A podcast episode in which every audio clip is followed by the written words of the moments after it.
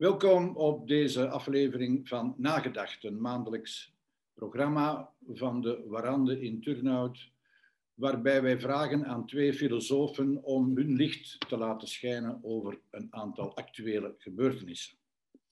Mag ik u eerst namens alle medewerkers van Nagedacht het beste wensen voor 2021. Bij die beste wensen hoort uiteraard een goede gezondheid voor u en uw naasten. Deze gezondheidswens krijgt dit jaar een extra betekenis door de hoop op een snelle vaccinatie. Mag ik het zo formuleren? Een klein spuitje voor de mens, een grote injectie voor de mensheid. Hopelijk, ook voor mensen in armere landen. Beste kijkers en luisteraars, bij het overlopen van de actualiteit springen er twee gebeurtenissen uit de discussie over de vaccinatiestrategie in het binnenland en de inauguratie van Joe Biden in de Verenigde Staten. En het is een klein woord dat beide gebeurtenissen met elkaar verbindt. Het woordje big. Big Pharma en Big Tech. Om met het eerste te beginnen, moeten wij natuurlijk blij zijn dat grote farmaceutische bedrijven er op korte termijn erin geslaagd zijn een COVID-19-vaccin te ontwikkelen. Wat dat betreft lijkt de markt dus goed te werken. Maar deze firma's zijn geen non-profit organisaties.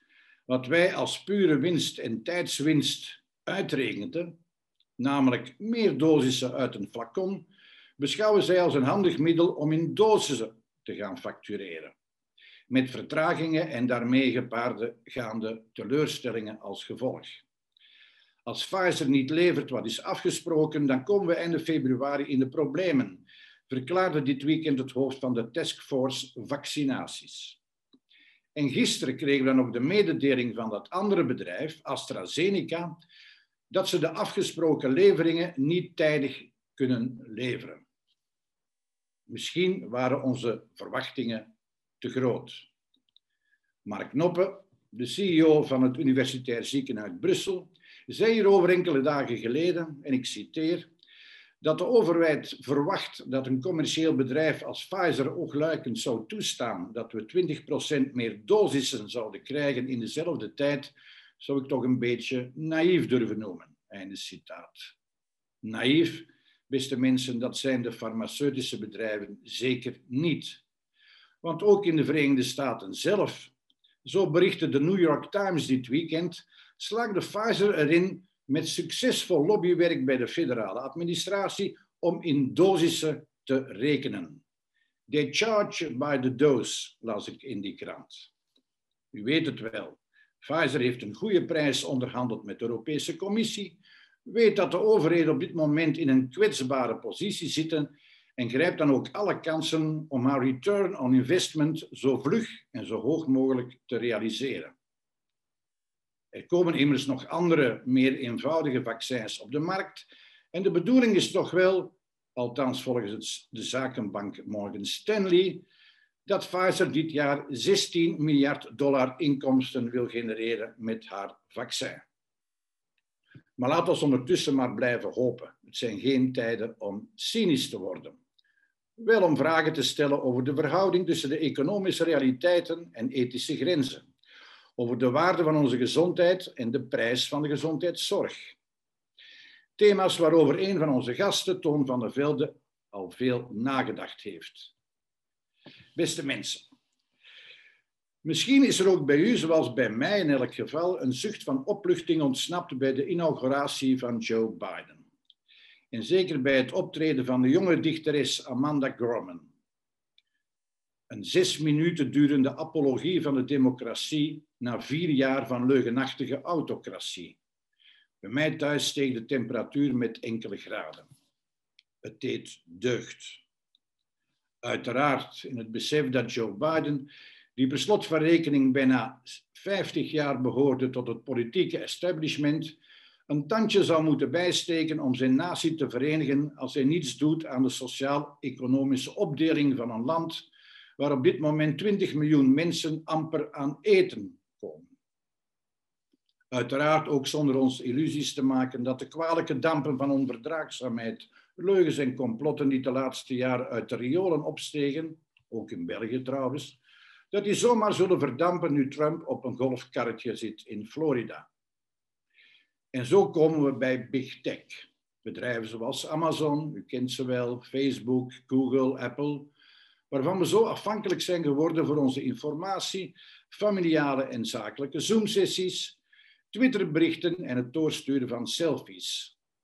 We gebruiken zoveel apps dat we er soms een absces van krijgen. Big Tech.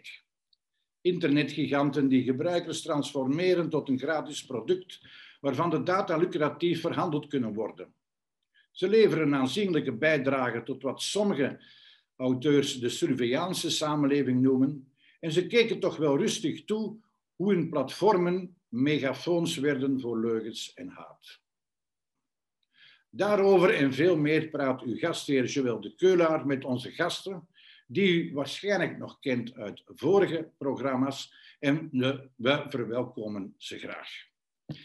Dr. Kathleen Gabriels is moraalfilosoof en werkt als universitair docent aan de Maastricht University, waar ze de ethische gevolgen van computertechnologie bestudeert. Ze studeerde Germaanse talen en moraalfilosofie aan de KUL Leuven, de Universiteit van Gent en van Helsinki.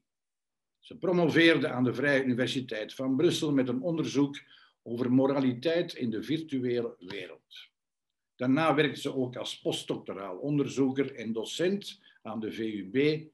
En nadien werkte ze als universitair docent aan de Technische Universiteit Eindhoven. Ze is de auteur van Regels voor Robots, ethiek in tijden van artificiële intelligentie. Een boek, zoals ik vernam, dat nu ook binnenkort in het Engels vertaald wordt. Of vertaald is. Toon van der Velde is econoom en filosoof. Een combinatie die we niet zo dikwijls tegenkomen. En was als gewoon hoogleraar verbonden aan het Hoger Instituut voor Wijze Begeerte en de faculteit Economie en Bedrijfswetenschappen van de KUL. Niet zo heel lang geleden ging hij naar eigen zeggen met frisse, of toch zeker met enige tegenzin, op emeritaat. Maar hij blijft wel actief en geeft onder andere het vak sociale ethiek. Zijn vakgebied beslaat de moraalfilosofie, waaronder meer in het bijzonder de sociale rechtvaardigheid, de filosofie van de sociale zekerheid, het samengaan van economie en ethiek. Zijn laatste boek, Het geweld van geld, pleit naar de ziel van de economie. Nog een laatste info. Als ik goed ben ingelicht, zijn alle twee onze gasten betrokken bij de Spinoza-lens, een prijs die elk jaar wordt toegekend aan een internationaal vermaard denker over ethiek en samenleving. Verleden jaar was dat de Franse socioloog en filosoof Bruno Latour, die nog onlangs, althans zeker voor mij, het belangrijke boek schreef Waar kunnen we landen? Politieke oriëntatie in het nieuwe klimaatregime. Maar laat ons nu maar het woord geven aan Joël de Keulaar. Ja, Dankjewel, uh, Jos Gijzels. Uh, welkom iedereen, ook uh, namens mijzelf. En welkom aan uh, Kathleen Gabriels en Toon van der Velde. We hebben de gewoonte, en ik hoop dat we die vandaag ook mogen aanhouden, dat we elkaar tutoyeren. Als iedereen dat goed vindt, dat we elkaar tutoyeren. En ehm, ja, Jos heeft ons een aantal pertinente voorzetten gegeven. Laten we er meteen maar invliegen. Hè. Uh, misschien uh, zal ik een beetje advocaat van de duivel zijn en beginnen bij Toon uh, met de vraag. Hè, akkoordjes somt een aantal bezwaarlijke elementen op, toch, die Big Pharma vandaag niet buitengewoon sympathiek maken. Daar zijn we het allemaal over eens. Big Pharma heeft ook heel veel geld van overheden gekregen om dat onderzoek te kunnen doen. Er is veel onderzoek dat uit universiteiten komt en zo verder. Maar hoor je wel veel mensen zeggen, zonder die marktwerking bij Big Pharma, zonder die competitie, die race naar dat vaccin, zouden we er nog altijd geen hebben. Dus verdienen ze daar ook niet ons krediet? misschien als dat allemaal, als we dat zonder markt en zonder Big Pharma zouden doen, dan stonden we er misschien vandaag wel slechter voor. Toon, ik weet niet, hoe kijk jij naar dat dilemma, die vraag? Dat was exact ook hetgene wat ik uh, wou zeggen bij het begin. Uh, het eerste wat telt natuurlijk, dat is dat we in een ongelooflijk korte tijd. Dus wat ik gezegd had, in het algemeen um, denk ik dat uh, privaat-publieke samenwerkingen in zaken zoals gezondheidszorg eigenlijk het beste werken. Als je alle competitie uitschakelt, dan werkt het minder goed dan uh, als je een beetje competitie hebt. Je mag er ook niet te veel hebben. Het mag geen, geen throat-cutting competition worden, zoals men dan in de literatuur zegt. En, uh, maar natuurlijk, op dit ogenblik zitten we in een, in een situatie, laten we realistisch zijn, waar de machtsverhoudingen zodanig zijn dat die overheden zijn absoluut vragende partijen voor zo snel mogelijk die vaccins. De hele maatschappij vraagt erom. Hm, wacht over zes maanden, dan zullen mensen beginnen zeggen: van, ja, maar willen we ons wel per se inenten enzovoort. Dan zal de, atmosfeer misschien keren. Maar op dit ogenblik, Frank van den Broeke zegt: je mag mij daarop afrekenen uh, of dit nu goed zal gaan verlopen. Dus de overheden zitten in een, in een zwakkere situatie als dan de, die, die farmaceutische firma's. En um, ja, die maken daar uh, gebruik van, misbruik kun je ook wel zeggen. Dus vooral als, als zou waar zijn wat ik hoor fluisteren, dat uh, Pfizer dat de reden voor het, ehm, het plots vertragen van de leveringen, dat dat eigenlijk zou zijn dat ze die, die flacons van zes dosissen willen omschakelen naar flacons van vier dosissen. Ja, dan denk ik, dat is nu echt iets wat niets met de gezondheidswinst te maken heeft. Dat is dan werkelijk pure, eh, pure marketing voor henzelf. Als dat waar zou zijn, dan zou ik dat echt wel een, een, een heel ernstig, ook moreel falen vinden van, van, van die firma. Was het niet, was het niet, was het niet een beetje, enfin, dom is misschien een zwaar woord, maar uh, de overheden hebben contracten met Pfizer voor een bepaald aantal dosissen. Absoluut, absoluut. Levering geschiet per flacon. Als je dan zegt als overheid, wij halen zes dosissen uit een flacon, ja, dan, dan, ben je, dan ben je bij Pfizer toch wel gek als je de flacons niet aanpast. Dan ben je toch... Dan, want je moet de hele wereld vaccineren. Hè? Dan, dan is het toch wijsheid om te zeggen, als het zo zit, gaan wij onze leveringen aanpassen. Want uh, ja, er zijn nog landen die wachten. Hè. Wij zijn niet de enige die gevaccineerd moeten worden. En dat is natuurlijk, dat is ook, dat is ook, laten we zeggen, dat is ook mijn, mijn reactie daarop wel. We moeten niet, niet alleen moord en brand schreeuwen, want er zijn nog andere wachtenden. En we, Europa heeft zichzelf, laten we zeggen, vrij goed, vrij goed bediend in, in die, die internationale wedren. En uh, men had bijvoorbeeld beloofd van we gaan het, uh, ervoor zorgen dat ook arme landen uh, relatief snel bediend worden. Dat is voor het ogenblik niet echt het geval. Nee. Dus dit is eigenlijk een groter schandaal dan dat, dan dat wij 20.000 doses minder krijgen in deze ja. maand. Ja. Ik kom dadelijk bij jou, Kathleen, maar nog één slotvraag voor Toon, want Jos heeft daar wel de pertinente opmerking gelanceerd, die ook Marleen Temmerman en Mark van Ranst en anderen al in het debat hebben gegooid, en dat gaat over die patenten. De vraag van Marleen Temmerman en Mark van Ranst en vele anderen is: maak, die patenten, maak dat patent vrij, zodanig dat uh, die productie ook door anderen kan gebeuren. En dat ook de armere landen relatief snel aan een vaccin zullen geraken, wat ze nu met deze marktwerking zal dat er voor hen niet in zitten. En dat is natuurlijk wel een tragische ongelijkheid. Ja, maar daar uh, moet ik zeggen, ten eerste, de literatuur over patenten is eigenlijk wel wat verdeeld. Dus er zijn mensen die zeggen die patenten vertragen de wetenschappelijke vooruitgang. Er zijn er die zeggen het versnelt het. En ik moet eerlijk zeggen, ik lees de literatuur al zeker meer dan tien jaar en ik raak er niet uit wat nu echt het geval is. Maar um, ja, natuurlijk, geneesmiddelen en nieuwe medicamenten, dat is een heel speciale item het ontwikkelen ervan, het op de markt brengen, is, vereist een bomgeld. Wij hebben hier in Leuven ook uh, het, Rega-centrum, die kunnen zo'n vaccin maken, maar dan commercialiseren, laten goedkeuren enzovoort, dat besteden zij uit in een wereld die voor de rest ook al hyper gespecialiseerd is, besteden zij liever uit aan commerciële spelers die dat, die dat veel beter kunnen dan zij zelf. Maar natuurlijk, eens dat je de juiste moleculen gevonden hebt, de juiste samenstelling gevonden hebt, het reproduceren daarvan, dat, dat is dikwijls voor, voor, voor peanuts.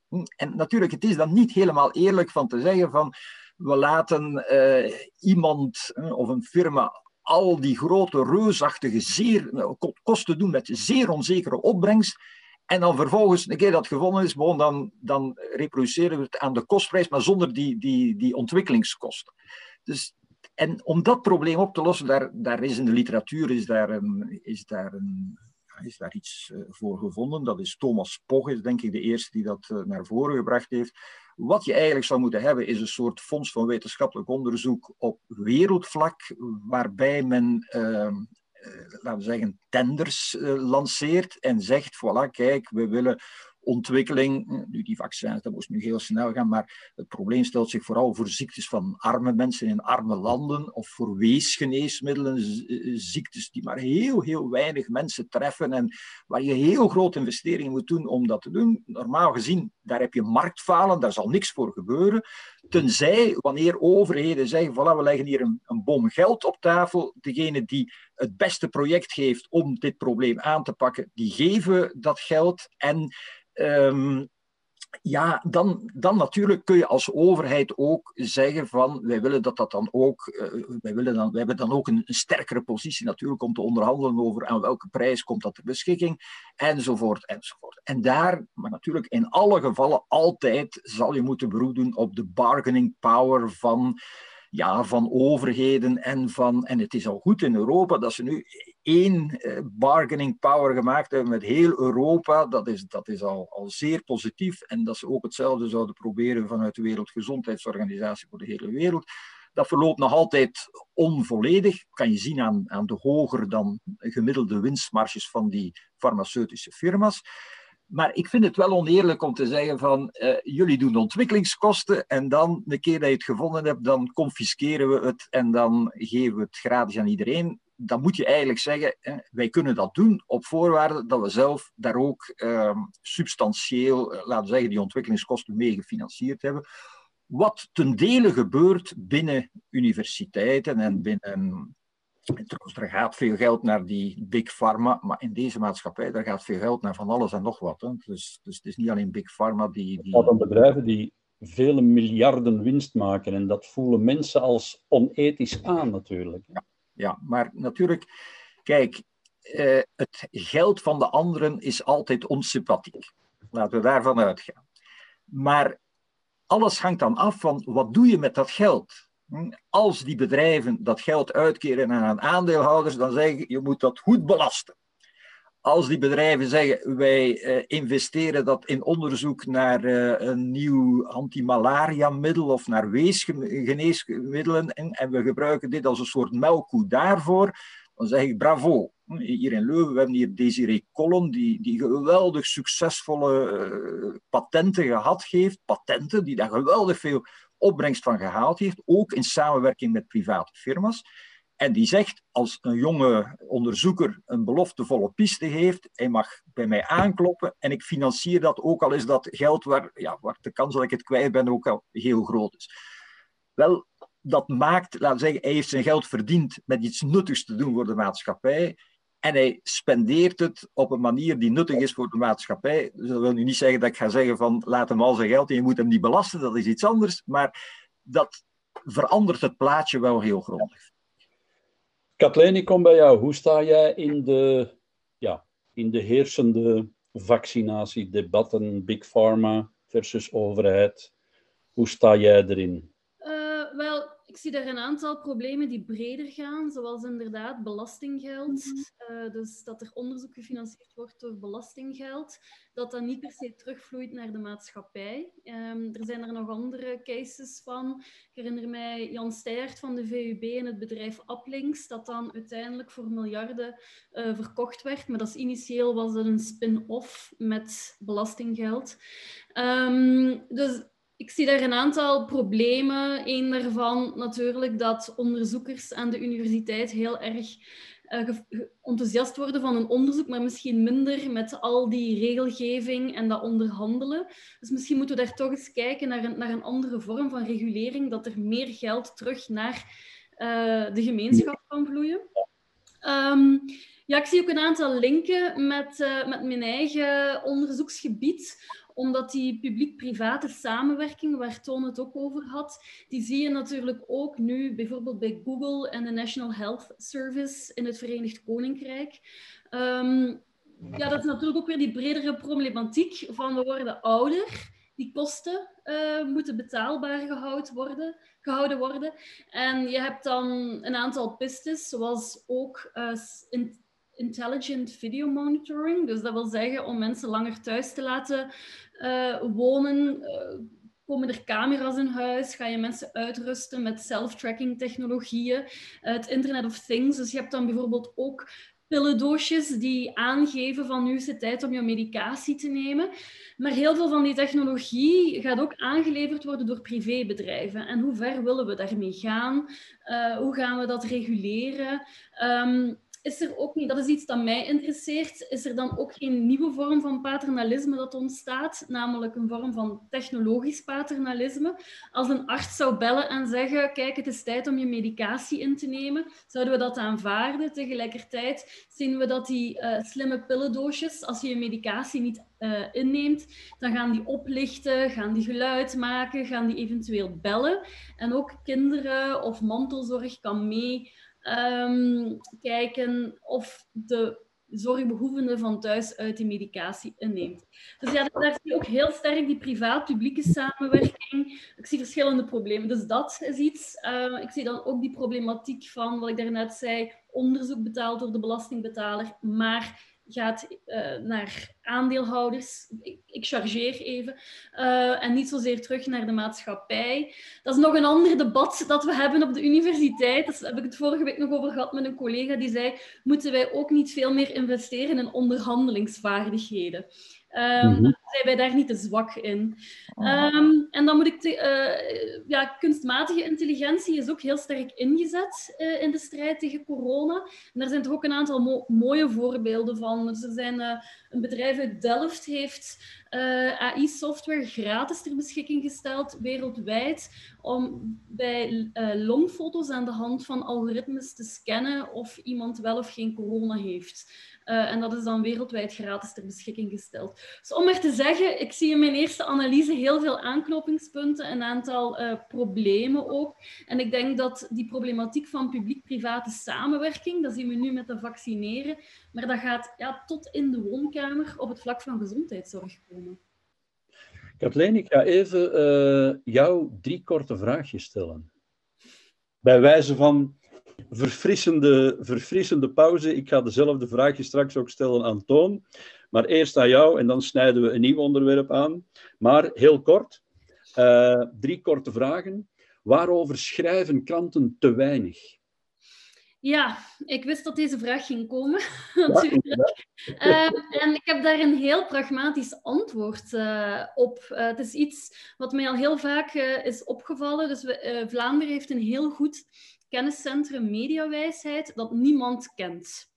Dus ik vind dat uh, kranten dat Centrum voor Mediawijsheid voluit moeten belichten, want heel veel vragen waar mensen mee zitten, ook rond fake news, worden daar beantwoord. Zijn dossiers, leerkrachten kunnen educatiepakketten aanvragen, ook rond nieuws in de klas. Dus een aantal thema's waar we het nog over zullen hebben, uh, staan daar gebundeld op die website. Niemand kent hen. Wie moet er dringend worden geïnterviewd? Ja, ik wou eigenlijk die vraag omkeren. Uh, wie moet er niet meer worden geïnterviewd? Er, er zijn natuurlijk een hele lijst okay. van mensen. Maar ik denk dat een van de grote problemen, ook als je kijkt naar vaccineren, is dat uh, bij een aantal zaken er een soort van voor en tegen uh, ja, opbouw is. Bijvoorbeeld dat als zeg nu maar iets, evolutietheorie wordt belicht uh, in een interview en dan gaan ze ook iemand erbij halen die daar niet in gelooft. Hetzelfde zie je ook soms in debatten waar dat artsen dan praten over vaccineren en dan zetten ze daar iemand bij die um, ja, een, een antivaxer is. En ik denk dat dat heel schadelijk is. Want dan lijkt het alsof die feiten er niet toe doen en dat je gewoon vanuit de zetel ben ik nu voor of ben ik nu tegen? En daar moeten we echt mee ophouden. Dat je, dat er, zijn gewoon, er, zijn, er is kennis die, die niet meer tot discussie moet staan. En je moet dan niet een voor of een tegen erbij gaan halen. Volledig akkoord. Welk boek ligt er op je nachtkastje? Of het zullen meer zijn misschien? Um, verschillende boeken waar dat ik altijd... Uh, dus ik ben nu bezig aan De avond is ongemak, maar ik, ben maar tot, ik heb nog maar één hoofdstuk gelezen, omdat ik eigenlijk uh, volop bezig ben met, uh, met onderzoek, lessen voor te bereiden. De avond is ongemak, en dat is van? Wacht, het ligt nu toevallig. Ik kan, de uh, Marieke Reineveld, de eerste Nederlandse auteur die de International Booker Prize heeft gewonnen. Een zeer jonge uh, auteur, nog in de twintig. Um, maar uh, fictie lezen is voor mij echt luxe. Dat wil zeggen dat ik tijd over heb. En ik heb ja. maar één hoofdstuk gelezen. Tony, kom bij jou. is goed hoor. Ik heb Reineveld gelezen, is heel, heel goed. Oké. Okay. Tony, kom wel een andere suggestie ik begin bij jou voor ons tweede grote onderwerp. En dat, uh, daarvoor gaan we even naar de Verenigde Staten. En ik begin bij jou omdat jij van ons allemaal al de meeste Amerikaanse presidenten hebt meegemaakt. Hè? Het is een beetje oneerbiedig dat ik dat zeg, maar het is niet anders. Uh, hoe hoe uh, was je ontroerd of blij of, bij de inauguratie? Heel veel mensen waren ontroerd. Ja, ik moet, ik, ik moet eerlijk zeggen, dus die, zeker die dichteres, die jonge dichteres, dit is iets wat ik in het algemeen al vind. Dit is echt iets hoopvols in onze tijd. Als je die klimaatbetogingen vorig jaar zag, vergelijk met mei 68 en de nadagen van mei 68. Wie zag je op die betogingen? Allemaal mannen en hier en daar een vrouw. En als je kijkt de klimaatbetogingen van die middelbare scholieren, jonge meisjes, vrouwen en hier en daar, als je goed keek, zag je een man. En nu dus dat de, de show op die, die inauguratie gestolen werd door een 22-jarige jonge dichteres die een schitterende tekst voorbracht. Niet, ik kan niet zeggen dat dat de, de, beste poëzie is, maar het is voor deze gelegenheid was dit een schitterende tekst. Ja, dat vind ik, dat is een teken van deze tijd. De, de, je ziet het ook in, in, in, aan de universiteit. Bijna 60% van onze studenten zijn vrouwen geworden. Um, Bovendien zijn ook heel dikwijls de, de, de beste studenten. Uh, Ze zijn mondig, dus de wereld is aan het veranderen en ik juich dit toe. Absoluut. Maar dat is, laten we zeggen, dat is meer in het algemeen. Voor de rest, ik heb inderdaad, ik, ik had mezelf dat ook zitten bedenken tijdens de Vietnamoorlog in de jaren zeventig zegden wij hier in België of in, het, in, Europa, zegden wij van ja, of het nu een republikein of een democrat is die gekozen wordt, Johnson was democraat, uh, het maakt allemaal niet zo heel veel uit, het is toch altijd hetzelfde beleid dat gevoerd wordt. Sinds 2000 is dat anders. Bush heeft daar de verkiezingen gewonnen eh, dankzij 700 stemmen die hij over had in Florida, waar zijn, zijn broer de verkiezingen uh, moest surveilleren. Dat was uh, ja, heel, als er ergens iets problematisch was, was het wel dit. Hij valt binnen in Irak en zet eigenlijk voor twintig jaar in elk geval ja, de, de, de geschiedenis in een bepaalde plooi die ze met een democratisch president wellicht niet zo zou gehad hebben. Dus het maakt wel uit, en natuurlijk zeker nu met Trump maakt het wel uit. Dus dat is het eerste. Het tweede voor mij is, ja, die democratie in Amerika, dat is echt wel geen model. Dat Clinton haalde al miljoenen stemmen, Hillary Clinton haalde al miljoenen stemmen meer dan Trump en ze verliest de verkiezingen. Nu haalt, uh, nu haalt uh, Biden 7 miljoen stemmen meer dan, dan Trump. En, en er wordt geschreeuwd dat, dat, dat het fake is. Dat, ja, daar is, ik vind daar iets, iets fout met verkiezingen. Ook verkiezingen die zo manipuleerbaar zijn door uh, mensen van kieslijsten uit te sluiten, door um, gerrymandering, het, het, her, het herindelen van kiesdistricten enzovoort ja, sorry, maar dus ook met benoemingen in een hoge rechtshof, wat Trump deed dat schaamteloos. Dus ik benoem daar rechters en ik bewijs hen een dienst en zij zullen mij dan ook een dienst moeten bewijzen. Dit is, eh, dit is een hele episode geweest met Trump die zo, uh, ja, zo ondermijnend ook was voor die democratische instellingen. En dan, um, ja, als je dan ziet bovendien dat die man eigenlijk de verkiezing alleen maar verloren heeft door corona. Want was er geen corona-epidemie geweest, de aandelenkoersen stegen, ehm, er was, uh, de economische conjunctuur was door een overdadige dopering van de economie uh, was goed. Normaal gezien, Trump had de verkiezingen gewonnen, was het niet die 400.000 doden waarvan een blinde kan zien dat, dat, hij er, dat het hem helemaal niks kon schelen.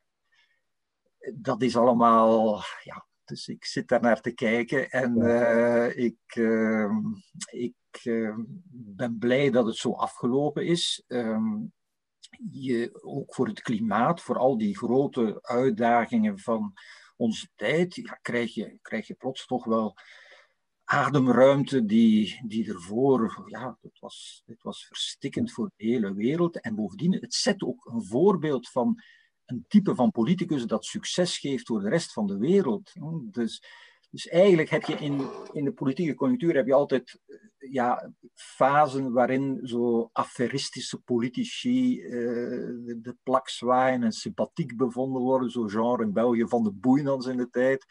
En dan heb je andere fasen waar, mensen, waar, dat, uh, waar men dat helemaal niet meer moet en waar mensen met ideeën en met, die kunnen bezielen en zo, en die, die halen het. En natuurlijk, wij hebben als, als intellectuelen veel meer sympathie voor de tweede dan voor de eerste.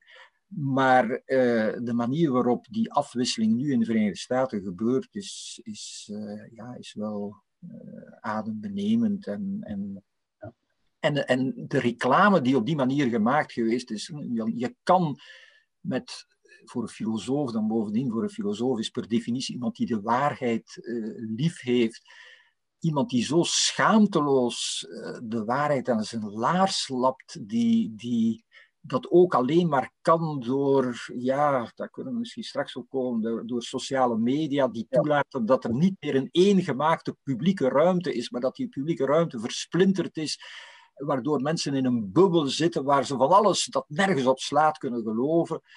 Uh, dan komen we terug op hetgeen wat je daar straks zegde we hopen allemaal dat men experten in het, uh, dat is wat Kathleen daar straks ook zei, dat we dat over belangrijke problemen, dat experten gehoord worden en niet uh, degene die het luidste roept, of niet Jan met de pet in de straat, die ja. daar, dat is, dat is uh, ja. ja.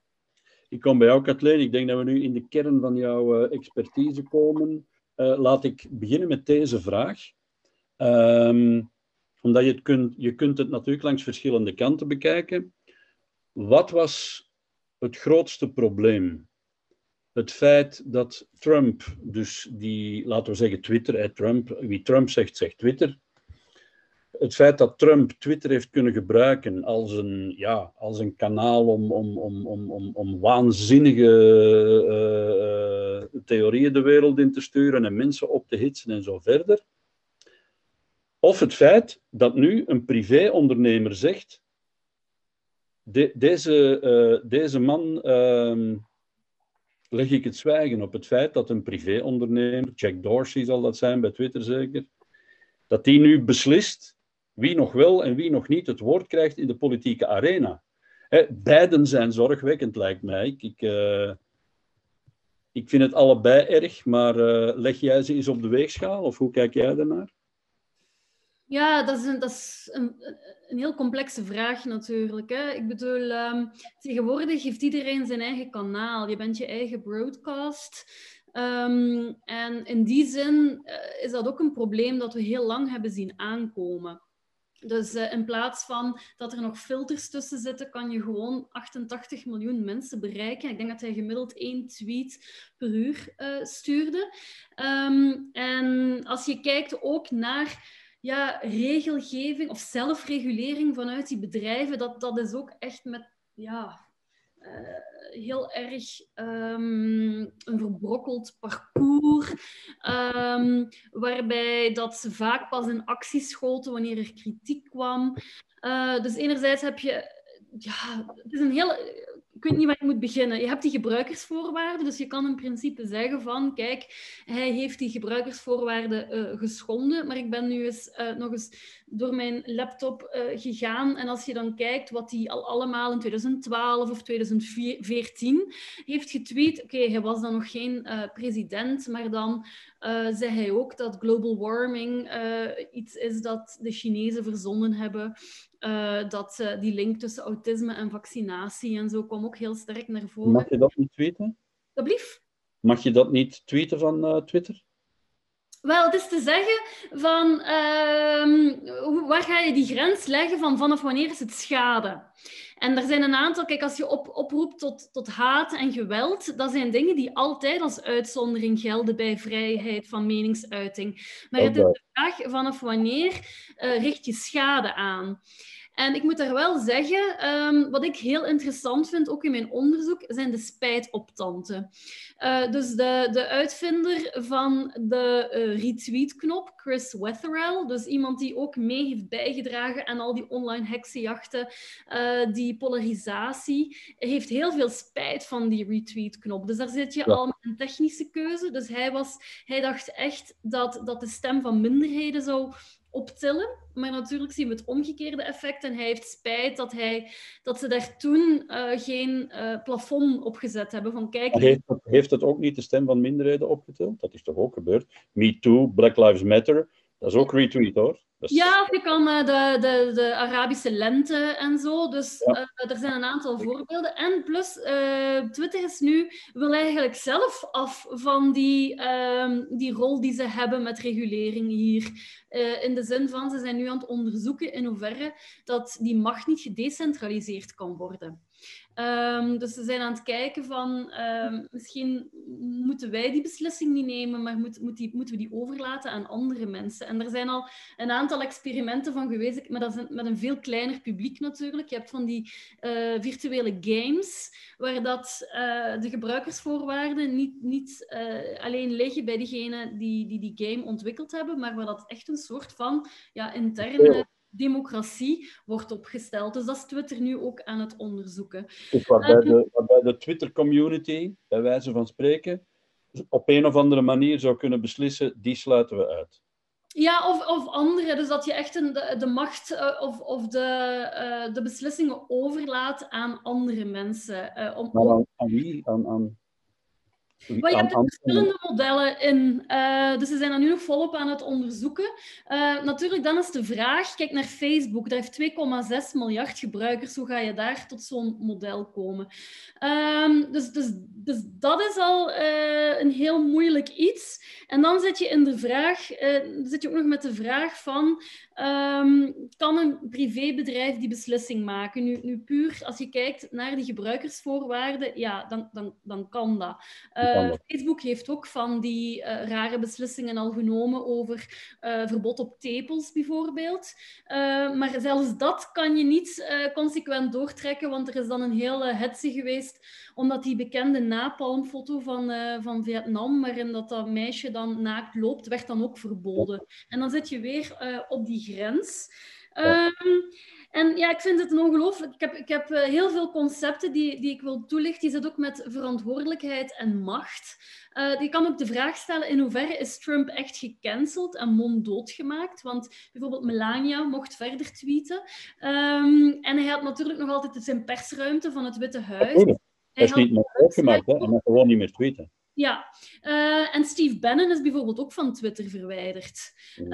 Um, dus, maar dan is natuurlijk de vraag, je moet daar heel consequent in zijn. Uh, en je zag ook, de wereld is daar ook niet over uit of dat nu een goede beslissing was. Dus je had Angela Merkel, die dat heel erg veroordeelde. En anderzijds had je Michelle Obama, die zei van dit had veel eerder moeten gebeuren. Ja. Eigenlijk is de ultieme vraag, kunnen wij die digitale infrastructuren overlaten aan uh, privébedrijven als ze zoveel impact hebben op het publieke debat.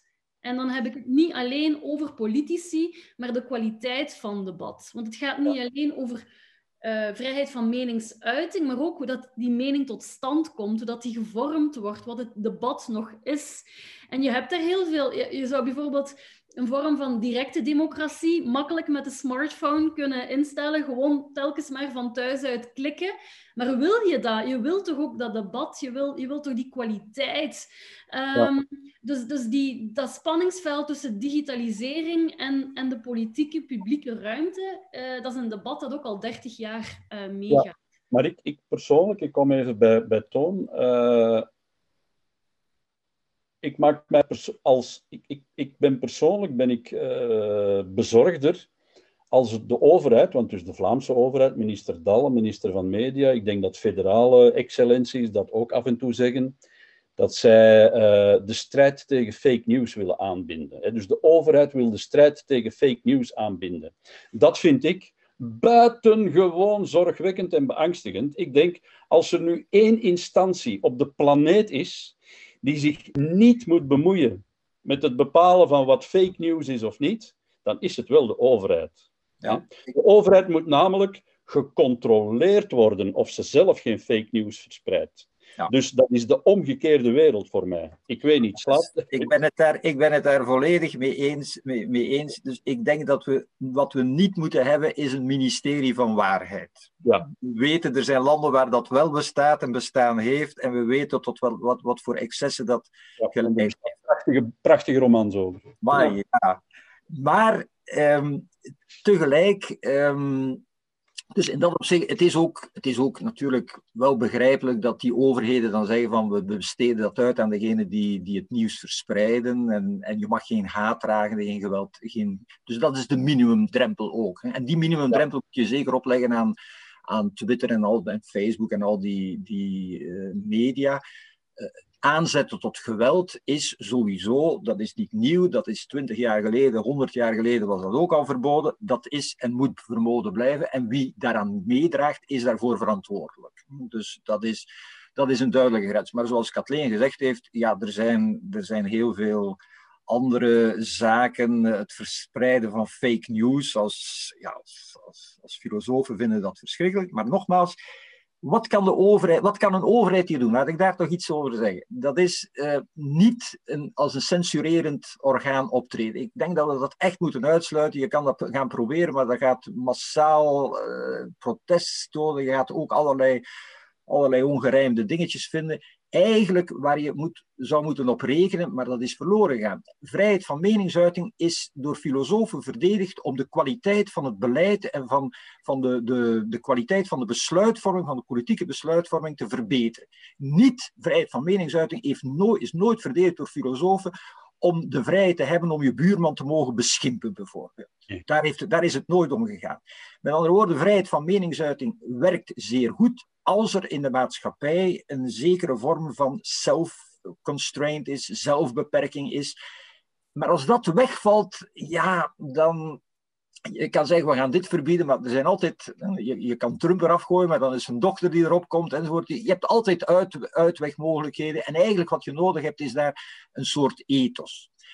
De overheid kan daar wel indirect iets voor doen. En bijvoorbeeld, ik denk dan, bijvoorbeeld, het is geen definitieve oplossing, maar iets positiefs dat ze kan doen, dat is bijvoorbeeld, eh, we hebben er straks al gehad, een internationaal fonds voor, uh, voor geneeskundig onderzoek, biomedisch onderzoek, dat gefinancierd kan worden. Zo kan de overheid ook zeggen, wij steunen een fonds Pascal de Kroos bijvoorbeeld, waarbij kwaliteitsjournalistiek, uh, verschillende kranten en media kunnen projecten indienen voor kwaliteitsreportages of zaken of onderzoeksjournalistiek. En dat komt voor een commissie en die pikt er de beste uh, zaken uit en daar wordt geen fake news uh, gefinancierd. En dat, dat kan men doen. Dat is iets, dat is geen censuur, dat is positief. Dat is, dus, en ik denk dat, dat we daar veel, veel meer moeten op inzetten. En voor de rest moet je hopen dat het publieke debat dat uiteindelijk toch wel het beste bovendrijft. En misschien is dat nu wel wishful thinking van mijn part hoor, van mijn kant. Maar ja, dus in, in de Verenigde Staten uiteindelijk woonde, er is dan toch aflossing van de wacht gekomen. Maar het probleem is natuurlijk die versplintering van, van de media. Hè? Dus dat je niet meer, eh, laten we zeggen, tot twintig jaar geleden keek iedereen naar dezelfde televisiezender in Vlaanderen. En ja, je had daar een instrument in handen waar, waar je eh, niet zozeer censuur kon uitoefenen, maar waar je gewoon eh, fatsoenlijke journalistiek en fatsoenlijke dingen kon, kon gaan doen. En dat is verdwenen. Hoe je dat toen had je nog een kanaal, uh, Tom, als je met de vrijheid uh, begeeft, ja, ja, waarin je de mensen door de weerman kon laten geruststellen dat er met Tsjernobyl geen enkel probleem ah, was. Ja. Hoewel dat bleek wel degelijk het geval te zijn. Dus toen had de overheid nog een instrument om de burger te beliegen. Op Trumpiaanse wijze, maar een beetje avant la lettre, zullen we maar zeggen.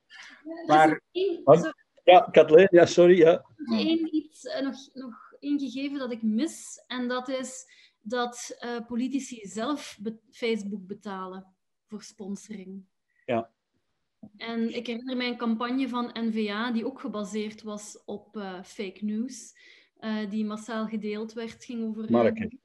ja, um, en waar zij ook op Facebook voluit gegaan zijn. Ze hebben dan wel heel veel kritiek gekregen, dus dan kan je zeggen, het publieke debat uh, werkt. Maar um, ik, ik, ik vind het ja, een heel erg dubbel iets dat de overheid, die zelf vaak uh, op Twitter zit met politici, uh, die, die, die zelf zich niet aan die digitale etiketten houden, maar ook die heel veel geld betalen om opgelicht te worden, opgetild te worden op Facebook, uh, is ook heel erg ja, bedenkelijk. Twitter trouwens, die verbiedt nu uh, sinds 2019 politieke advertenties. Dus je ziet dat Twitter een aantal stappen heeft genomen de voorbije jaren. Ja. Nu is het wel zo, de overheid kan nog meer doen um, dan het uh, Fonds Pascal de Croos. Ik denk, uh, er is ook bijvoorbeeld Fact Check Vlaanderen. Um, dat is ook nog niet breed bekend. Nogmaals, het geld van het Centrum van Mediawijsheid, maar ook data en maatschappij, waar dat het dan meer gaat over AI en big data in de maatschappij, komt ook van de overheid.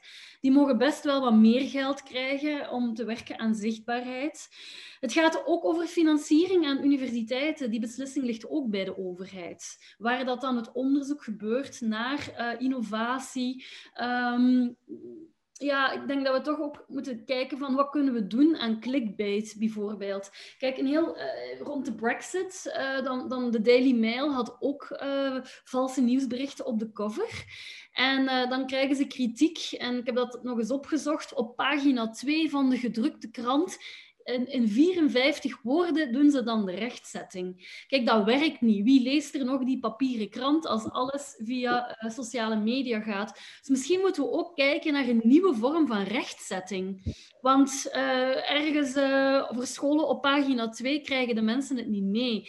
Um, dan het reguleren, vind ik ook een hele interessante. Want ik vind dat, uh, dat de overheid, ook met de GDPR, daar ook wel heel erg laat kwam. Ze hebben heel, al, altijd heel sterk gekeken naar zelfregulering.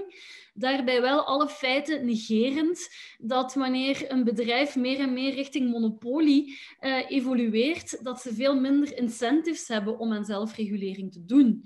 Dus je moet niet gaan hopen op zelfregulering uh, als die al zoveel macht hebben. Nu is er wel een, een tegenbeweging. Ik weet niet of in hoeverre jullie dat gevolgd hebben, maar uh, Google heeft ondertussen een vakbond. Uh, dus heel veel um, eigen werknemers die zich nu verenigen in een vakbond, omdat ze zelf heel veel kritische vragen stellen bij uh, niet alleen de macht van het bedrijf, maar ook de beslissingen die het bedrijf uh, heeft genomen. Dus dat, dat, dat breder bewustzijn is ook wel nodig. je, dus je ziet wel die tegenbeweging. Je ziet ook, um, dus in Amerika loopt nu een strafzaak tegen Facebook omwille van illegale monopol monopolisering. Je hebt het PACT Act in Amerika. Gebruik jij WhatsApp? Gebruik jij WhatsApp? Gebruik jij WhatsApp? Nee. Nee. Moeten we, wat, wat gebruik jij? Allee, het is indiscreet misschien, maar signaal? Of, uh... Vorige week. Sinds vorige week heb ik uh, uh, signaal. Ja, ik denk dat ik ook ga overschakelen. Men, men is volop aan het overschakelen. Hè? Ja, en dus daar, ook daarover kan je een interessante analyse lezen op de website van mediawijs.nl. Ongelooflijk, daar moeten we echt allemaal naartoe, naar die website moeten Mag we ik daar een kleine vraag ja. bij stellen? De normale aanpak van monopolies, met, eh, monopolies hebben allerlei gevaren, de normale aanpak van overheden is van opbreken. Hè? Maar natuurlijk, dus ik zou graag horen, Kathleen, of jij vindt dat het opbreken van die monopolies, dat dat een goede zaak is. Want natuurlijk, het probleem is ook een beetje die versplintering. Dan kan dat tot gevolg dat iedereen zich blijft opsluiten in die, in die bubbels waar men allerlei fake news uh, geeft. Dus ik weet niet of het een, een antwoord is op die, die problematiek, maar het is wel het normale antwoord. Hè? Als monopolies ja. macht misbruiken, moeten we ze opbreken. En dat ja. kan een overheid, dat heeft een overheid in het verleden al vaak gedaan. Dat kan de Europese Unie doen. Hè? Ja, er zijn zowel die, die stemmen gaan al een aantal jaren op. Ik denk wat, wat ook heel kwalijk is, en, en daar weet Toon als econoom uh, meer over, um, is dat zij elke interessante start-up opkopen. Ja, ja, ja. Um, en, maar bijvoorbeeld bij Facebook, WhatsApp is niet ontwikkeld door Facebook. Instagram is niet ontwikkeld door Facebook, maar ze hebben dat wel opgekocht. Hetzelfde met die publiek-private samenwerking waar we het eerder over hadden. Google heeft enkele jaren geleden Fitbit voor 2 miljard dollar overgekocht. Fitbit, dat, is, dat zijn die slimme armbanden die lichamelijke data monitoren, hoeveel calorieën je verbruikt, maar dat zit ook natuurlijk, enfin, dat kan de smartphone ook de GPS-tracking, maar dat is dan ook in handen van Google. En, en um, mijn kennis schiet daar tekort, want ik ben geen econ econoom en ik heb ook geen juridische achtergrond. Dus ik kijk even naar Toon. kan dat niet ingeperkt worden, dat, dat elke interessant, elk interessant nieuw bedrijf gewoon wordt opgekocht? Ja, maar het over, normaal overnames waar monopolievorming bij dreigt, moeten goedgekeurd worden door overheden, nationale of Europese overheden. Dus daar, dat is een mogelijkheid. Maar nogmaals, mijn, mijn eigen, dus dat is wat ik normaal verdedig. Maar tegelijk denk ik van, ja, maar is dat wel een, een oplossing voor laten we zeggen, die, die 74 miljoen Amerikanen die, die alleen maar kijken naar Fox News en die, die zich laten brainwashen en die van alle andere media niks willen weten? Dat dat is het probleem. Twintig jaar geleden was ik tegen de negationismewet omdat ik dacht, voilà, kijk, laat dit aan het vrije onderzoek en de vrije meningsvorming. En er, er zullen altijd wel wat, wat, wat rare kwieten zijn die dan nog eh, van dit soort theorieën geloven, maar eigenlijk wordt dat uitgewiet. Maar nu natuurlijk, ja, die, die, die, die fake news media, die hebben een, daar zit een soort technologische macht achter. En, en ja, dat wordt versterkt door technologische ontwikkelingen waar waar we moeilijk greep op krijgen. Dus, dat is waar. Maar mag ik de Rwandese genocide dan wel ontkennen? Uh, als die, in België is het zo, als, als, uh, als, het, als een genocide erkend is door het parlement, dan mag je dat niet ontkennen. Ja, niet ontkennen, oké. Okay. Ja. ja. Toon, ik stel, mij, ik stel jou de drie korte vraagjes. Een moment van uh, verfrissing voor jullie allebei, misschien nog een ander onderwerp. ja, wat, waarover schrijven de kranten te weinig? Wel, over het algemeen doen die kranten, zeker die drie kwaliteitskranten in België, die, in Vlaanderen, die, die doen goed hun werk in het algemeen. Maar ik was, vorig jaar was ik uh, in zo'n werkgroep, Metaforum heet dat hier in Leuven, die uh, over energieproductie in België, maar dat was niet alleen in België, dat was uiteindelijk een beetje een breder verhaal. En ik was werkelijk in de wolken. Dan ontdekte ik, daar krijg je dus de, e, elke twee, drie weken hadden we een vergadering. En daar komt dan een, een enthousiaste ingenieur in die, die zegt, voilà, waterstof, dat is de uitkomst. Een ander die komt zeggen van, ik ben bezig met auto's te ontwerpen, elektrische auto's, waarbij de batterij, dat weegt normaal veel te zwaar, maar waarbij de, de carrosserie van die auto de, de batterij zou zijn, die je bovendien heel snel zou kunnen opladen enzovoort. Er komt een andere eraan die zegt van ja, als je een CO2-arme economie wil, dan moet je beroep doen op water en wind, maar die, die zijn er, op uh, zon en wind, water dat is in België niet zo, niet zo goed. Maar natuurlijk, die, die zijn er af en toe helemaal niet. En de perfecte aanvulling daarvoor, dat zijn thoriumcentrales. En dan leggen ze dat uit. Thoriumcentrales zijn centrales, want ik hoor Jos op de achtergrond misschien al meer luisteren. Thoriumcentrales zijn, centrales zijn kerncentrales, maar die geen kernafval produceren, maar kernafval opslokken. Die dus de kernafval verminderen in de wereld. Wel, ik ben altijd tegen kernenergie geweest, maar als ik dat hoor, dan denk ik, ja, maar dat is wel een belangrijk argument tegen kernenergie dat weggenomen wordt. Dat kun je dan koppelen aan water en waterkoppeling en En dan denk ik, ik val hier elke week in verbazing. Waarom lees ik daar zo weinig over in de kranten? Ja. En dat, dat is dus ook wel wat Kathleen straks ook al gezegd Dat zijn experten, dat zijn mensen die enthousiast zijn. Twee, drie jaar geleden hadden we hier een utopiejaar in, in, in Leuven. En ja, dan werd er zo'n oproep gedaan, zend utopieën in. Ik ben zeker in de jaren na 68 zouden die allemaal uit de humane wetenschappen gekomen. Nu was er nauwelijks iets uit de humane wetenschappen. Het komt uit de biomedische en uit de ingenieurswereld. Maar daar hebben ze razend enthousiaste uh, zaken om. Bon, dat is wat ik. We gaan meer over Ja. Wie moet er geïnterviewd worden? Dat vind ik ook altijd interessant om te weten. Uh, wel, ik zou zeggen, nee, die, die ingenieurs hebben allemaal iets, dat, is die ingenieurs, daar kan ik naar verwijzen. Maar ik wil dat verbinden met je derde vraag, denk ik, was dan, wat is het boek dat je... Ja, het boek op je Het boek waar ik het meest enthousiast over ben deze dagen, dat is Merlin Sheldrake, uh, Entangled Life. Ik lees het in het Engels, maar het is ook vertaald in het Nederlands. Verweven leven. Dit is adembenemend. Dit is... Merlin Sheldrake. Merlin Sheldrake, ja. ja. En het is een jonge onderzoeker. Ik denk dat hij met moeite 35 jaar is, maar het is een ontzettend uh, erudiet boek.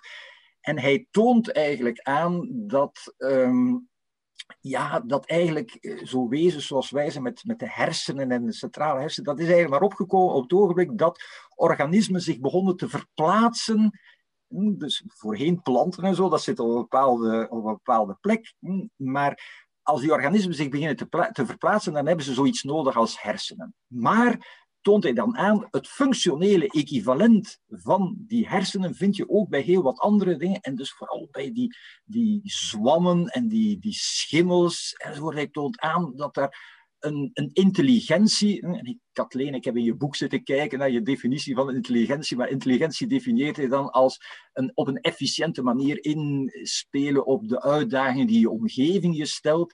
Dus die organismen die niet, uh, laten we zeggen, rondwandelen in de wereld, die hebben die, die, die, die kunnen puzzels oplossen, die kunnen labyrinthen uh, een uitweg invinden enzovoort. Hij toont dat allemaal aan het is adembenemend en het, het, zet natuurlijk ook aan tot een zekere bescheidenheid voor, voor mensen.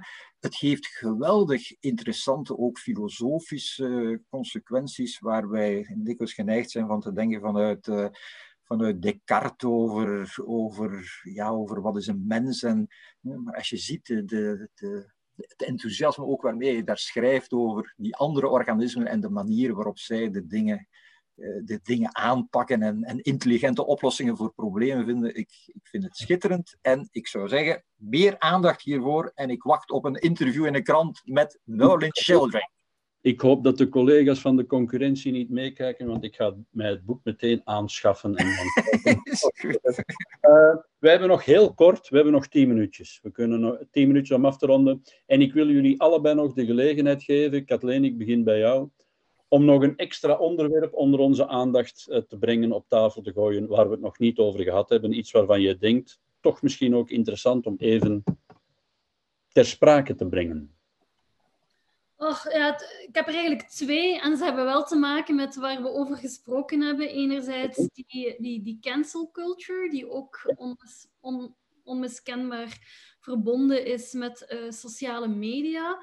En anderzijds die algoritmen Um, waar, ja, enerzijds kijken we naar uh, big tech van de algocratie, om het dan zo te zeggen. We leven niet meer in een democratie, maar in een algocratie. Maar als je dan gaat kijken naar de problematiek van de toeslagenaffaire in Nederland, uh, dus de, dus de kinderopvangtoeslagenaffaire, uh, dan zie je dat algoritmen daar ook een heel belangrijke rol in hebben gespeeld. Mensen werden door algoritmen uh, onvoldoende geselecteerd en kregen geen geld meer. Ja. Wel, uh, eigenlijk dus exotische namen, om het zo te zeggen, buitenlandse namen, die werden extra in de gaten gehouden. En ook mensen met een uh, dubbele nationaliteit en de autoriteit uh, gegevensbescherming heeft daar in de zomer al heel vernietigend op gereageerd. Want uh, je mag uh, mensen daar niet, die data hadden vernietigd mogen worden, die hadden niet ingezet mogen worden hier. En het, is echt een heel pijnlijke affaire. Dus mensen werden beticht als oplichter. De toeslagen werden hun ontnomen en ze moesten ook terugbetalen. En sommige mensen moesten 125.000 euro. En dat waren algoritmen die dat bij wijze van spreken beslist hadden. Ja, dus, uh, en dan zitten we met uh, ja, sowieso het uh, niet opvolgen van de wet op openbaarheid van bestuur. Hè, dus dat de grenzen daar afgetast werden. Maar dat ook daar um, het delegeren van verantwoordelijkheid. En zeggen van kijk, het algoritme heeft beslist. Um, uh, gebrek aan transparantie. Uh, dus ik denk dat, dat omdat het heel sterk is gegaan over die rol van big tech hierin. Maar laten we ook eens kijken naar, naar de overheid. En ik weet dat er in, in, in Belgische kranten lovend uh, geschreven is over het feit dat hier een regering, een kabinet wel aftreedt, in tegenstelling ja. tot, uh, tot België. Maar uh, het is wel een, een, een verhaal dat een aantal jaren heeft geduurd, waarvan je denkt, hoe is het mogelijk? Ze zijn gewaarschuwd. Uh, dan afgelopen zomer ook nog door, um, uh, door de autoriteit gegevensbescherming, omdat ze de GDPR met de voet traden. En uh, dat is allemaal heel erg in, in, ja, in het donker gebeurd. En ik denk ja. dat dat een van de zaken is. Dus transparantie is, is een heel belangrijk thema. Um, maar dat, dat is een van de zaken waar we, waar we terecht bezorgd om moeten zijn. Dat, die, pardon, de cancel culture. Leg eens uit wat het is en wat, wat, welk probleem je ermee hebt. Ja, um, de cancel culture, dat probleem is al die definitie, want er valt heel veel onder. Uh, dus enerzijds, dat heeft ook een hele positieve kant, namelijk dat uh, een minderhedengroep die normaal niet zozeer het woord krijgt, via sociale media bijvoorbeeld mensen ter, ter verantwoording kunnen roepen. Dat is dan call-out culture. Maar waarbij dat misschien iemand... Call-out, dat iemand echt wordt uh, ter, tot de orde geroepen.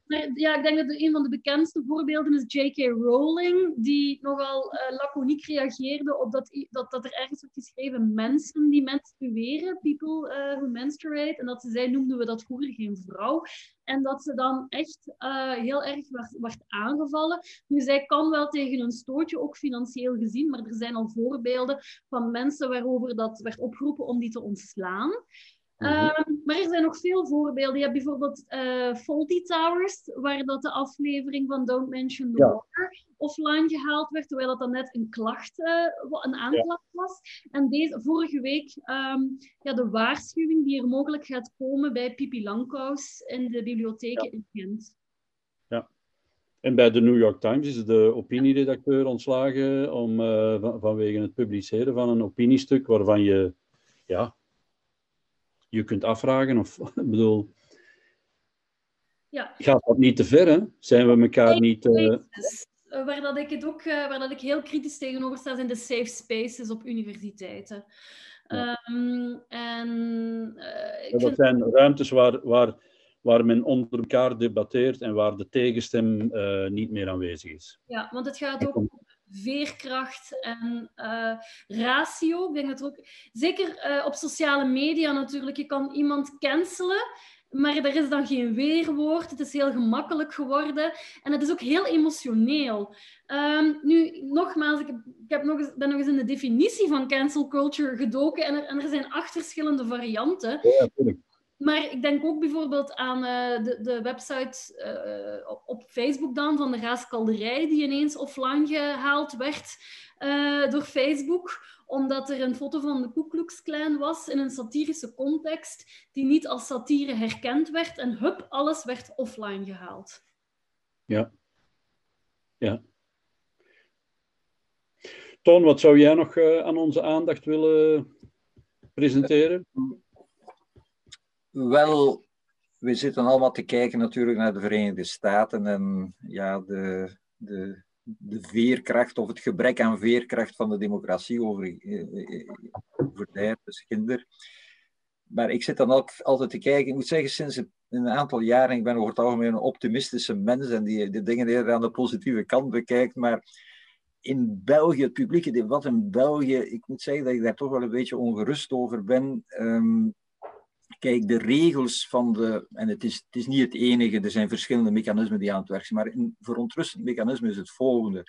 De regels van de betoelaging van politieke partijen zijn zodanig dat uh, ja, ze krijgen heel veel, maar als je de verkiezingen verliest, dan verlies je verschrikkelijk veel. En dus de eerste, de, de normale reactie dan is, we proberen op alle mogelijke manieren uh, verliezen te vermijden dat heeft tot effect dat men eigenlijk alleen nog bereid is uh, goed nieuws te brengen, cadeautjes te geven. En als men dat niet kan doen, dan wil men zelfs geen regering vormen. Ik ben ervan overtuigd bij de laatste regeringsvorming. Wanneer heeft men een regering kunnen vormen? Wanneer de coronacrisis er was en er plots de sluizen opengezet worden en uh, je langs alle kanten kan cadeautjes uitdelen. En het zijn niet alleen cadeautjes om corona, uh, de coronacrisis op te vangen, er worden langs alle kanten uitgedeeld. Vroeger had je, een, een, had je partijen die zegden, uh, we moeten dus de overheidsfinanciën uh, goed in de gaten houden, we mogen niet te veel deficits maken. En je had er anderen die zeiden van, ja, maar we moeten dit toch doen. En je had daar een debat over. Bij de laatste verkiezingen was iedereen maar aan het beloven en het beloven, terwijl iedereen ook wist dat niets van die belofte kon, kon, eh, kon gestand gedaan worden. Dat is natuurlijk op zichzelf al een probleem voor een democratie, als partijen bij verkiezingen allerlei beloften doen, waarbij ze zelf bijvoorbeeld op het ogenblik dat ze zeggen, weten, dit kan ik niet. Dat is op zichzelf al een probleem, maar dan ten tweede, dat je alleen, de, de job van die politici is om te regeren dat je alleen een regering wil vormen wanneer je cadeautjes kan uitdelen en niet wanneer je de noodzakelijke maatregelen moet nemen. Die, neem bijvoorbeeld rekeningrijden, was zo'n mooi voorbeeld. Ook de NVA, heel wat politieke partijen waren ervoor. Het is, een op, het is iets waarvan de meeste experten zeggen, dit is de richting waarin we moeten gaan. En ja, dan zijn er uh, wat mensen die daar veel heisa rond maken en plots weg. Niemand wil dit nog. En ja, ik vind dit is een soort, dit is onze Belgische variant, dan vind ik van het populisme. Dus dat je, dat je ja, dat, dat ook uh, luidruchtige minderheden uh, dingen kunnen blokkeren die eigenlijk wel zouden moeten gedaan worden. En de, ja, daar bestaat ook theorie over. Het resultaat daarvan is natuurlijk, als je alleen nog maar wil, wil regeren met, door cadeautjes uit te geven, dat, ja, het resultaat is natuurlijk een overheidsschuld die uit de hand loopt. En uh, dan heb je ja, dan ook toch wel een aantal economen die daar dan uh, eigenlijk rechtvaardigingen voor geven. Terwijl aan die economen denk je dan van ja, maar let op wat je zegt. Hè. Die, die hebben dan in een paper staan er allerlei voorwaarden en zo. Maar in de werkelijkheid wordt dit door politici gezien als ja, doe maar op, geef maar uit, het maakt niets uit. Maar dat we in een situatie komen, Joël, je bent ook al een klein beetje ouder, dat de regel van Matot als er nu iemand was die een infame reputatie had, namelijk de overheidsschuld zal zichzelf wel oplossen. Mhm.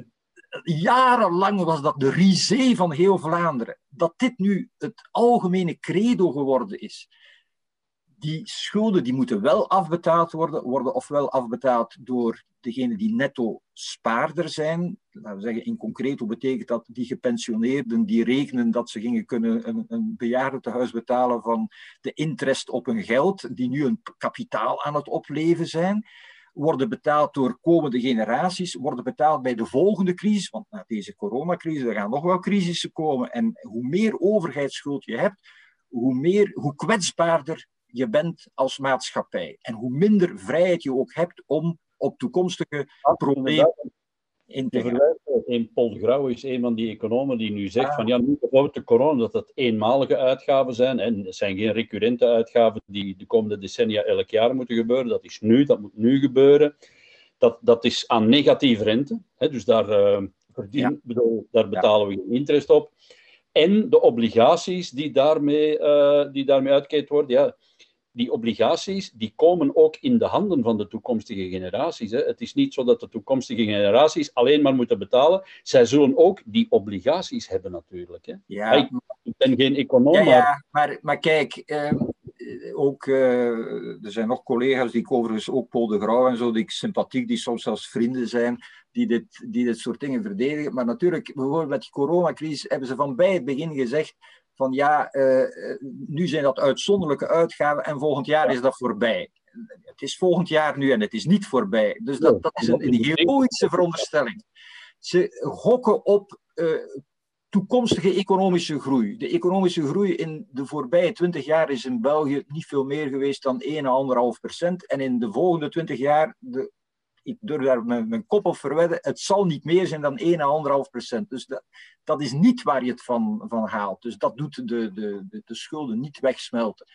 Dus ik, en bovendien, ik zeg, je, je, je zegt iets waarvan iedere econoom weet van ja, er zijn, er zijn, een, aantal, zijn een aantal voetnoten bij, bij te zetten. Die voetnoten die weten ze ook wel, maar politici lezen dat op een andere manier en zeggen, voilà, we hebben hier carte blanche, we kunnen, er, we kunnen, we kunnen ervoor gaan. Ik vind, dat, ik vind dat gevaarlijk, moet ik zeggen. Ja. jij behoort tot een uh, jongere generatie, dat is uh, vrij duidelijk.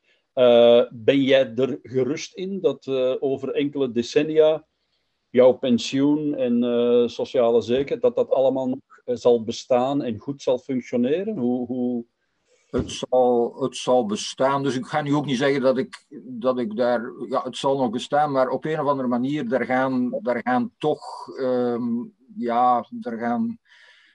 Kijk, bijvoorbeeld, als het gaat om overheidsuitgaven, investeringen, die mag je doen op de maar recurrente uitgaven voor sociale zekerheid en zo, daarvoor moet je zorgen dat dit gedekt wordt door de lopende inkomsten en dat dat min of meer in evenwicht is. En doe je dat niet, dan, dan, dan loop je risico's. Wat men nu doet, uh, ja. de, de, pensioenen optrekken tot 1500 euro, dat is allemaal goed en wel, maar dan moet je eigenlijk ook kunnen aantonen, want er zijn andere posten waarop wij besparen.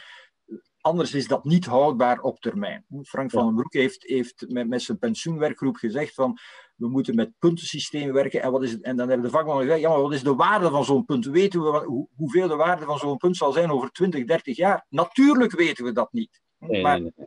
maar bon, dus daar zijn, daar zijn eh, dat is dan iets Ja. waar experts... Ik ga even de vraag naar, eh, naar Kathleen. Hè? Oh, eh, ik wou even, eh daar straks was Toon redelijk vergoelijkend naar de term wishful thinking. En ik wil die vraag even terugkeren naar hem, want eh, in jouw betoog hoor ik ook wishful thinking. En hoe zie je dat dan hier? Want daar straks was je best vergoelijkend naar ja, maar je moet dat ook zien als wishful thinking, dat we dus... Dat was niet, ik, ik heb dat niet als vergoelijkend ervaren. Ik vond Ja. dat ook streng. Ik heb gezegd, het is irrationeel. Als je de, de dingen goed wil aanpakken, mag je niet aan wishful thinking doen. Dat is, dat is de, de eerste regel. Wishful thinking is irrationeel. Maar natuurlijk, eh, het zal onze tijd wel meegaan, is een gevaarlijke stelregel. Ja. En ik had een paar jaar geleden had ik een studente die uit Latijns-Amerika kwam. En die zei mij, goh, zegt ze, overheidsschulden bij ons. Hè. Zegt ze, hoe weet je hoe dat bij ons eraan toe gaat? Je probeert een lening vast te krijgen en dan doe je daar van alles en zo mee. En ooit ga je dat moeten terugbetalen, maar ja, hoe je dat gaat terugbetalen, dat is het laatste waar mensen mee in zitten. En dat bedoelen ze op het niveau van individuen en op het niveau van overheden. Hmm. Dat is, Ja. dat is het Latijns-Amerikaanse systeem waar, waar je gaat van de ene crash naar de andere. Ik vind het geen vooruitgang als we dit soort redeneringen naar, naar, naar onze maatschappij zou- zouden gaan ontwikkelen, zou- zouden gaan uitbreiden. Dus, We kunnen uren blijven doorgaan. Maar ik zou willen afronden. Ik denk dat we stilaan eh, moeten afronden. Ik zou tot slot willen vragen. Ik denk dat wij eh, met z'n allen die hier vandaag aan het woord geweest zijn, hè, Jos, Kathleen, Toon, ikzelf, dat wij ons in een relatieve luxe positie bevinden. Wij hebben onze inkomens, wij hebben eh, we- wellicht een woonst met eh, tuin en eh, wij, komen niks tekort en wij mogen niet klagen. Er zijn mensen die het in deze crisis veel harder te verduren hebben. Maar toch tot slot de vraag: hoe doorstaan jullie die crisis en, en mentaal en, en hoe, hoe ga je daarmee om? Heel kort hoor, want we kunnen hier niet meer uitgebreid op ingaan. Maar hoe, welke mentale weerbaarheidstechnieken zet je in om, om dit te kunnen volhouden? Ik begin eh, bij jou, Toon. Ehm, ik doe wat ik al mijn hele leven doe. Ik, ehm, ik eh, lees boeken. Ik lees boeken. Ik zorg voor mijn tuin. Ik zorg voor mijn geliefden. Ik ben blij dat ik ondanks mijn emeritaat nog een beetje les mag geven. En, en ik hunker ernaar. Dat is mijn enige, mijn enige ding waar ik echt naar hunker. Dat ik weer contact met mijn leven, contact met mijn studenten mag hebben. Het heeft voor mij niet zo heel veel zin, want dat, ik geef les om te blijven contact hebben met jonge mensen natuurlijk. Dus, eh, Ja. dus ik doe wat ik altijd doe. Ik ga, ik ga elke dag eh, s morgens 10 kilometer lopen en s'avonds een uur poëzie en filosofie lezen. Filosofie die ik niet nodig heb voor mijn werk. En ja, dat zijn zo de automatische stabilisatoren. En ook in coronatijden eh Ja. hou ik het. wij nemen dat mee. Kathleen, kun jij ons nog wat tips geven? Ja, ik heb het eh, grote geluk om in een heel landelijke omgeving te wonen. En als ik bij mij aan de deur vertrek, dan zit ik meteen in prachtige velden in het eh, Zuid-Limburgse Heuvelland. En ik zie aan, eh, aan, de, aan mijn schoenen, dus ik draag ofwel pantoffels, ofwel eh, bergschoenen, ofwel regelaarzen. Eh, dus ik, eh, ik ga heel vaak wandelen. Dit weekend nog een tocht van- drie uur gedaan in de omgeving. En dat is ook mentaal heel, ehm, heel belangrijk. Want het klopt dat, dat ik tot de gelukkigen behoor. Eh, dus ik moet me niet vrezen voor mijn job. Maar ehm, heel veel dingen die energie geven zijn wel weggevallen. En wat blijft dan over? Eh, de Zoom-meetings. En eh, dus ik vind wandelen, en tot op heden is dat nog niet verboden, eh, heel belangrijk. En eh, ik denk dat dat op dit moment de grootste luxe is. Dus, ja, de, tuin heb ik nu niet veel werk, werk aan. Er staat nu wel een prachtige sneeuwpop, want het is hier nu aan het sneeuwen. Ehm, maar ja, die, die luxe van meteen in de natuur te zitten, weinig prikkels en heel veel schoonheid. Ik neem deze tips van jullie mee. Ik uh, zit zelf wat te veel in het gewoel en in het debat, bijna onafgebroken. Ik heb ook een boek geschreven over de coronacrisis, dus het beheerst mijn leven al enkele maanden, ook in het weekend en zo verder. Dus ik neem jullie tips nog eens mee. Het is niet de eerste keer dat ik ze krijg. Wandelen en literatuur, poëzie of filosofie lezen, die niet echt een soort nuttigheidsfunctie heeft, maar echt ter ontspanning. Ik wil jullie uh, zeer danken voor, dit, uh, voor het uh, fijne en boeiende verpozen. En hoop jullie bij een volgende gelegenheid hier terug te zien. En hopelijk, fijn, ik mag hopen dat we elkaar de volgende keer in levende lijven zullen aantreffen in het welbekende pand van de Warande in Turnhout. Kathleen en Gevaccineerd mogen aantreffen. En ge, wel gevaccineerd en wel en zonder besmettingen. En mogen het dan achter de rug zijn. Oké. Ik dank jullie wel. Het was een plezier om te doen. En tot de volgende keer. Dankjewel. Salut.